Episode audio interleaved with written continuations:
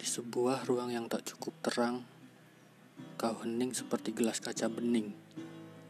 Sekarang, ku coba kembali hadir, karena takdir tak bisa kupungkir. Membawa hitam meninggal kelam, menuang panas hingga membekas, menyesap pahit, merenung masa sulit, mengendap ampas, hingga kurasa apakah ku pantas? Hingga sekarang, kenang itu kembali merasuk.